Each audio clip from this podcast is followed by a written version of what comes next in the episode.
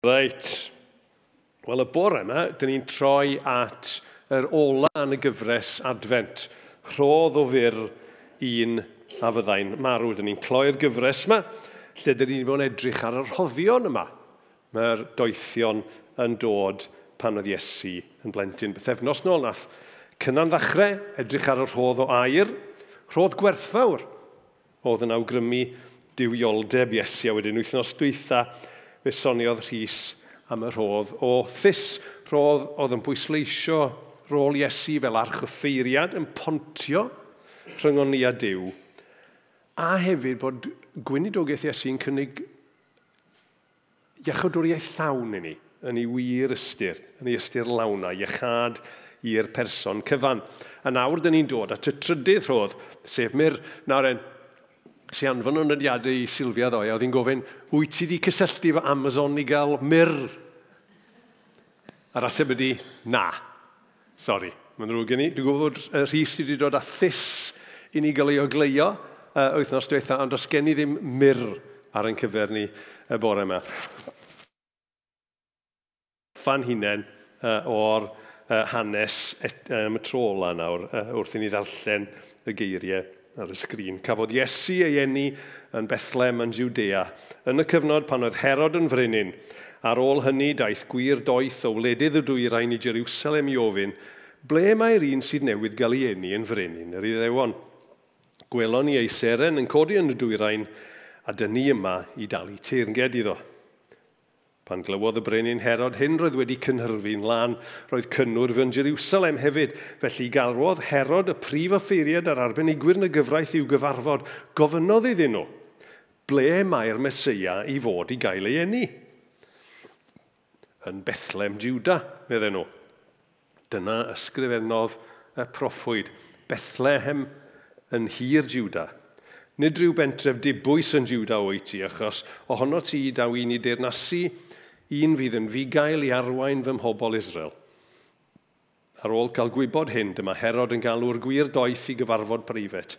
Gafodd wybod ganddyn nhw pryd yn union y ddyseren wedi ymddangos. Yna dywedodd, Ewch i Bethlehem i chwilio am blentyn, a gadewch i mi wybod pan ddewch o hyd iddo, er mwyn i mi gael mynd yno i dalu teirnged iddo hefyd.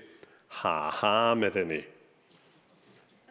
Ar ôl gwrando beth oedd gan y brenin i'w ddweud, i ffwrdd â nhw. Dyma'r seren yn mynd o'i blaen nes iddi aros uwch ben yr union fan lle roedd y plentyn. Roedden nhw wrth ei bodd. Pan eithon nhw mewn i'r tŷ, dyna lle roedd y plentyn gyda'i fam Mair, a dyma nhw'n disgyn ar ei gliniau o'i flaen a'i addoli. Yna dyma nhw'n agor ei paciau a rhoi anregion gwerthfawr iddo. Air a thys a myr, ddim air thesmur a sidan, fel dyn ni newydd gannu. Os wnaethoch chi sylwi, na bod WRP George, mae wedi bod yn bach yn hael fyna, air a thes a myr, rhybuddiodd diw nhw mewn breuddwyd wedi beidio mynd yn ôl at herod. Felly dyma'r gwir doeth yn teithio nôl i'w gwlad ei hunain ar hyd ffordd wahanol. Nawr fel esbonio sy'n wahanol i'r is wythnos yma, dysgen i ddim prop, dysgen i ddim myr i basio'ch cwmpas chi a Dwi'n bod gen ti air y sil, y sil oedd y sil, falle ddim, okay? ond jyst i ni gael deall, mae myr yn rhyw fath o resin, rhyw gym ydy e. Okay? sy'n dod allan o goeden, rhyw fath o ddreinen ydy'r goeden fel arfer, ac oedd e'n aml yn cael ei gymysgu efo pethau eraill a'i ddefnyddio fel soniodd rhys chydig wythnosau, uh, wythnos dwytha gyda thys. A oedd e'n cael ei gymysgu efo pethau eraill.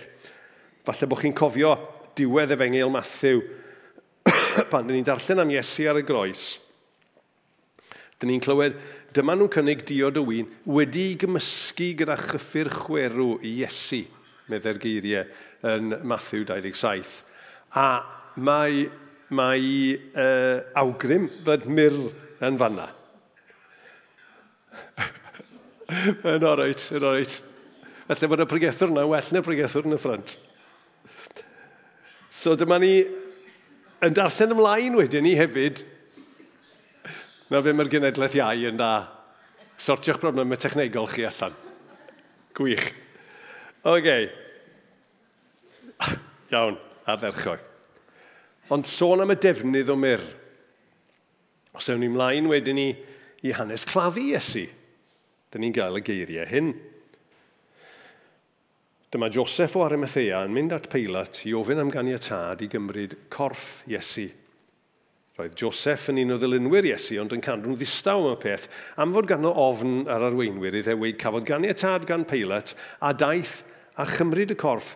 Roedd Nicodemus gydag e hefyd, sef y dyn oedd wedi mynd at Iesu i weld Iesu ganol nos. Daeth Nicodemus a tua 34 kg o fyr ac aloes i'w ddefnyddio wrth rwymo corff Iesu gyda stribedi o liain. Dyma sut roedd yr iddewon yn arfer claddu pobl. Felly roedd myr yn rhywbeth oedd yn gysylltiedig a marw a dioddau. Ddim y math o anreg y byddech chi'n reddfol yn rhoi i blentyn. Ond roedd e'n gysylltiedig a marw a dioddau a mi oedd yna arwyddocad arbennig yw hynny. A yr arwyddocad gwahanol i'r myr yma di beth dwi eisiau mynd ar ôl bore yma. Fi'n y dri pen. Arwyddocad cuddiedig, arwyddocad tragwyddol ac arwyddocad personol. So, arwyddocad cuddiedig, tragwyddol a personol. Ar y pwynt cyntaf, ar y cad, cuddiedig, na mi gaethon ni drafodaeth ddiddorol am hwn yn y grŵp cymuned uh, uh, wyth, uh, o'r wythnos o'r blaen, tra'n meddwl ar y doethion a meddwl beth oedd wedi cymell nhw i wneud y daith yma. A mi'n mae'n hanes bizar y deud i gwir, yn dyni. Mae'r dynion yma wedi treithio canoedd o filltiroedd Ond beth wnaeth ei gyrru nhw i wneud? Mae'n debyg bod nhw wedi dod o Persia, lle mae Iran nawr, tua 8 i 900 milltir ei ffwrdd. Tipyn o daith yn y dyddiau hynny. Doedd am EasyJet na gaeth. Ar ei cymelod oedden e, ei penolau nhw'n brifo. Ond mi oedden nhw'n dod. A mi roedd y dynion yma yn rhyw ddynion addysgiedig iawn yn ei maes. Roedden nhw wedi bod yn astudio hen destunau crefyddol.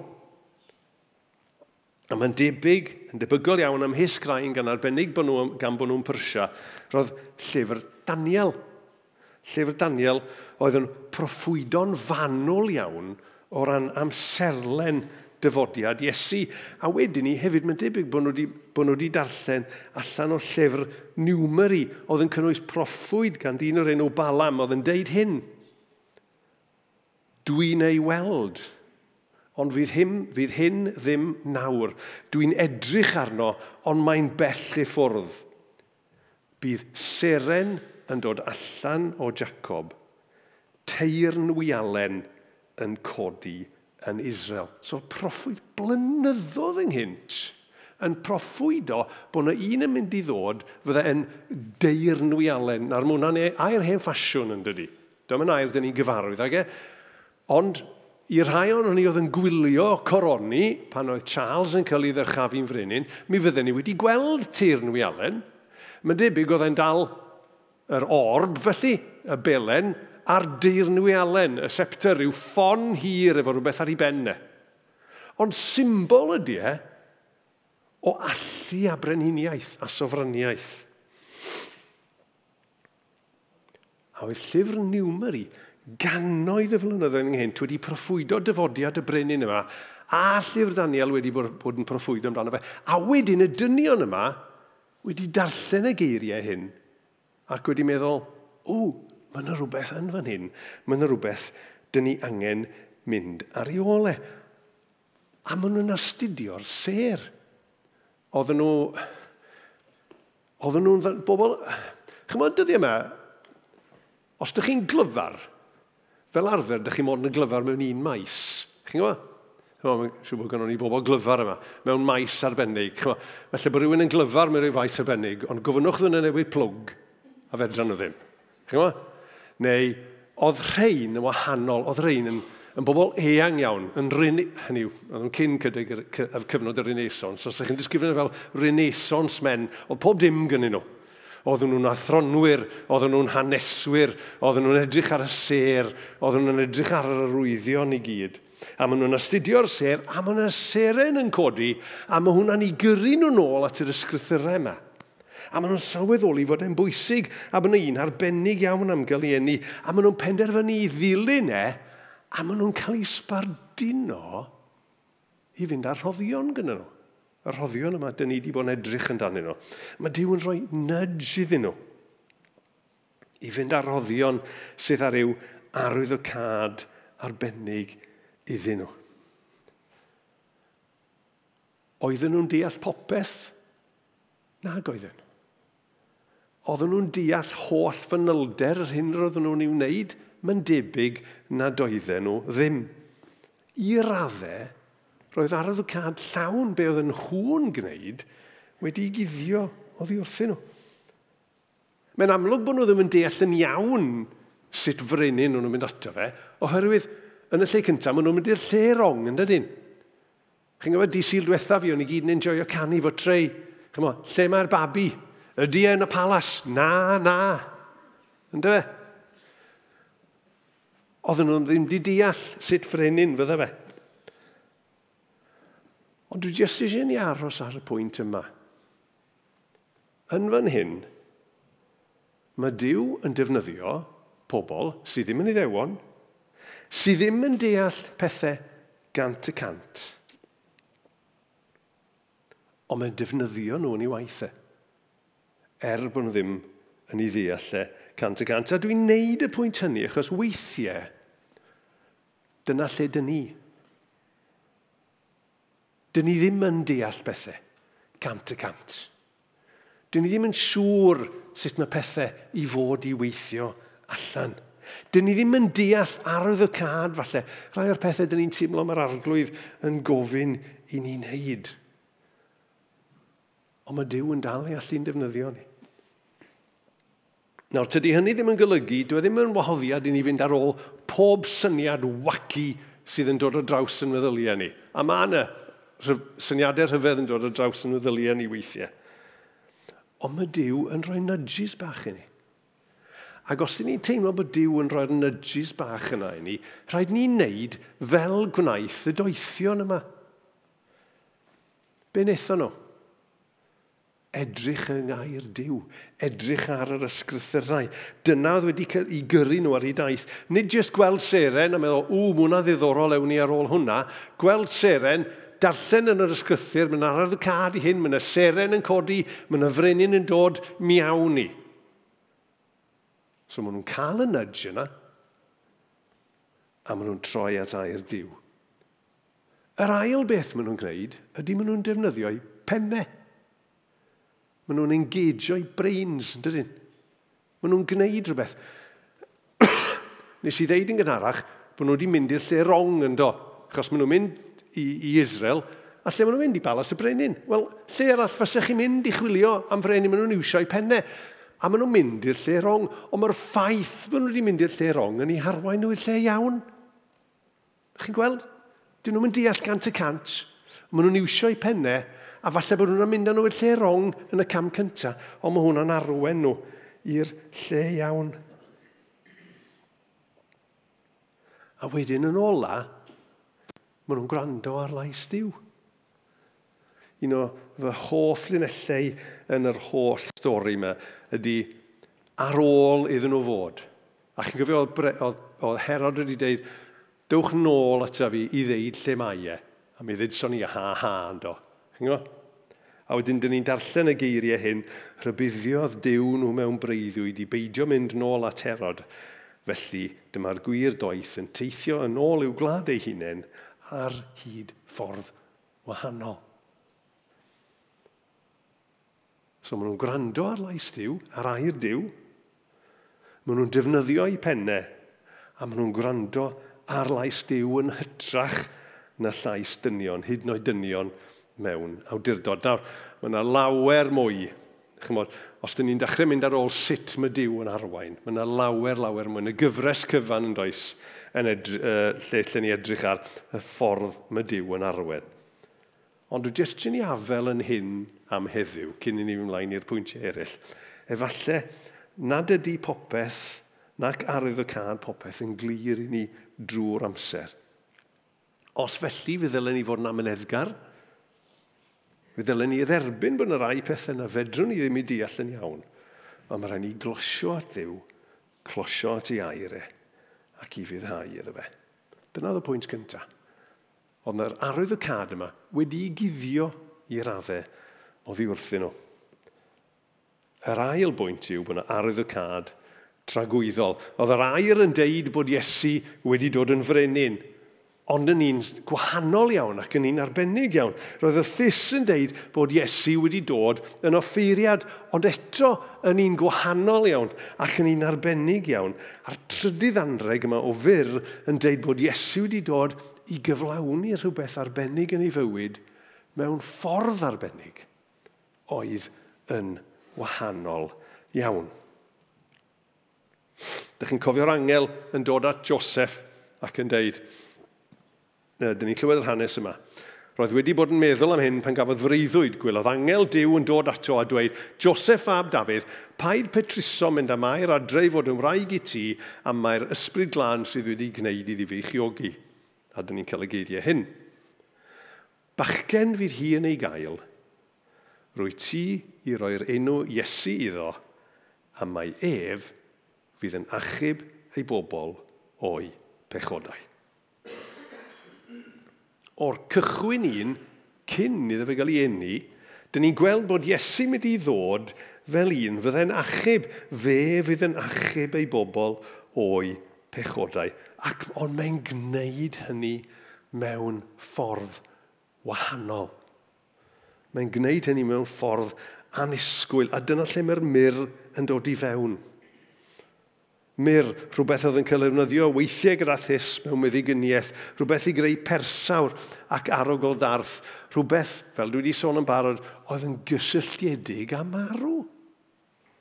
A fel yn gwen, fel yn dweud, anreg bizar i roi blentyn, yn dwe? Chi'n cofio'r geiriau yna? Diwedd i oes e. Daeth Nicodemus a 34 kg o fer ac aloes i'w ddefnyddio i'w rwymo i ddefnyddio wrth rwymo corff Iesu gyda stribedi o liain, dyna sut roedd yr iddewon yn arfer claddu pobl. Be mae hynny'n deitha ni? Be mae'r arwydd yma, yr rhodd yma, yn deud wrthyn ni? Mae'n deud wrthyn ni, hyd yn oed pan oedd Iesu yn blentyn bach, mae un peth fyddai'n diffinio ei fywyd e, fyddai ei farw e. Na i ddeud yna eto, yr un peth fyddai'n diffinio ei fywyd e, fyddai ei farwolaeth e, a natur a phwrpas hynny. Trwy ei fywyd e, mae cysgod y groes yna. Mae cysgod y groes yna trwy ei fywyd e.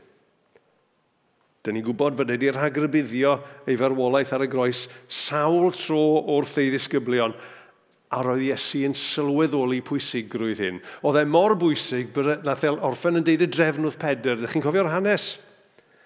Ped, Iesu'n rhagfynegu ei farwolaeth e, a, yes, a Pedr yn deud, naeth hyn byth digwydd i ti arglwydd. A mae Iesu'n troi arno fe, achos mae'n sylweddoli pa mor bwysig ydi farw fe. Ac mae'n deud, dos o'm golwg i satan, rwy ti'n rhwystyr i mi, rwy ti'n meddwl fe mae pobl yn meddwl yn lle gweld pethau fel mae Dyw yn ei gweld nhw. A mae hwn yn reality yn dydy.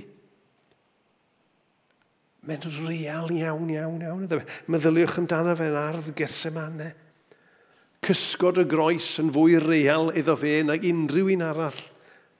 Ac Iesu'n deud fy nhad gadu'r cwpan chwerw yma fynd i ffwrdd os ydy hynny'n bosib, ond paid gwneud be dwi i eisiau gna beth rwy ti eisiau. Mae'n i fuddiau i gyflawni ei bwrpas ar y groes. A mae'r cysgod yna, a'r ardd y cad yna, reit ar y cychwyn. Mae'n blentyn. A mae'r doethion yn dod am myrdd o fe. Achos y groes sydd yn ei wynebu e. Mae'n deud, ie, mae genedigaeth y babi yma yn gyflawniad y proffwydoliaethau i gyd. Ydy, mae'r teirn wialen wedi dod, ond mae'r teirn wialen yma mor wahanol. Mae'r ffordd mae'n cyflawni ei bwrpas yw trwy ildio ei hun, trwy roi ei fywyd ei hun ei lawr. Sut mae'r byd yn cyflawni pethau? Sut mae'r byd yn dangos mawredd a gallu? Dyn ni wedi gweld e'n do. Dyn ni wedi gweld sut mae'r byd yn dangos grym. Yn y misoedd ar wythnosau diwetha, difa, lladd, dinistrio. Ond teirn wialen gwahanol sgan hwn. A ydy mewn frenin – Y dim yn y rodd o air dde fe, ond mae yna fyr yna, achos mae e wedi dod i fod yn wahanol. Beth wedodd yr apostol Paul amdano fe yn y llythyr at y Philippiaid? Roedd e'n rhannu'r un natur a Dyw heb angen ceisio i gwneud ei hun yn gydrodd a Dyw, ond dewisodd roi ei hun yn llwyr i wasanaethu eraill a gwneud ei hun yn geithwas. A dod ato ni fel person dynol.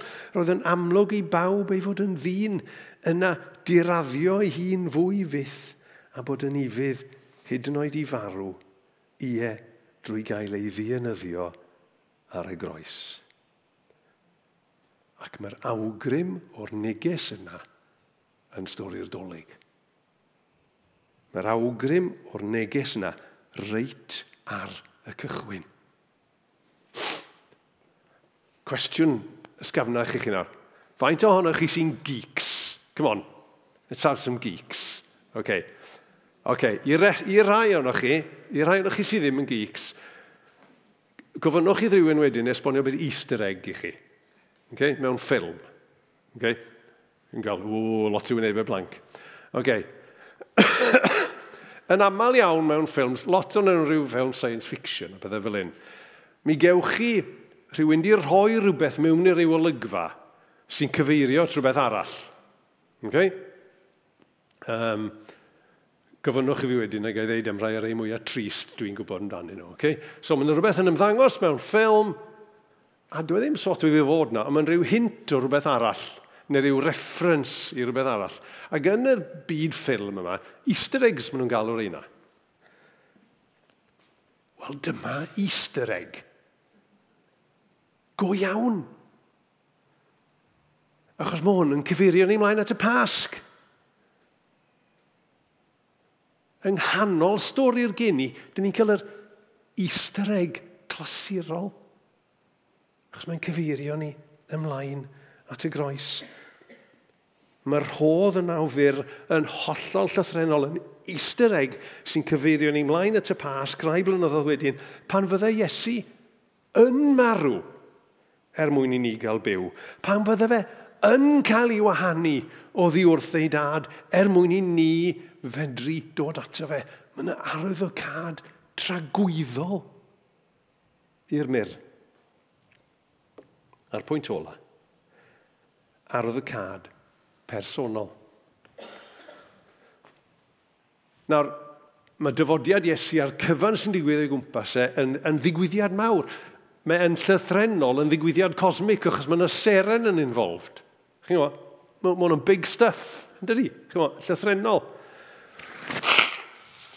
Yma ngosol seren i ddangos bod y gwaredwr mawr wedi dod.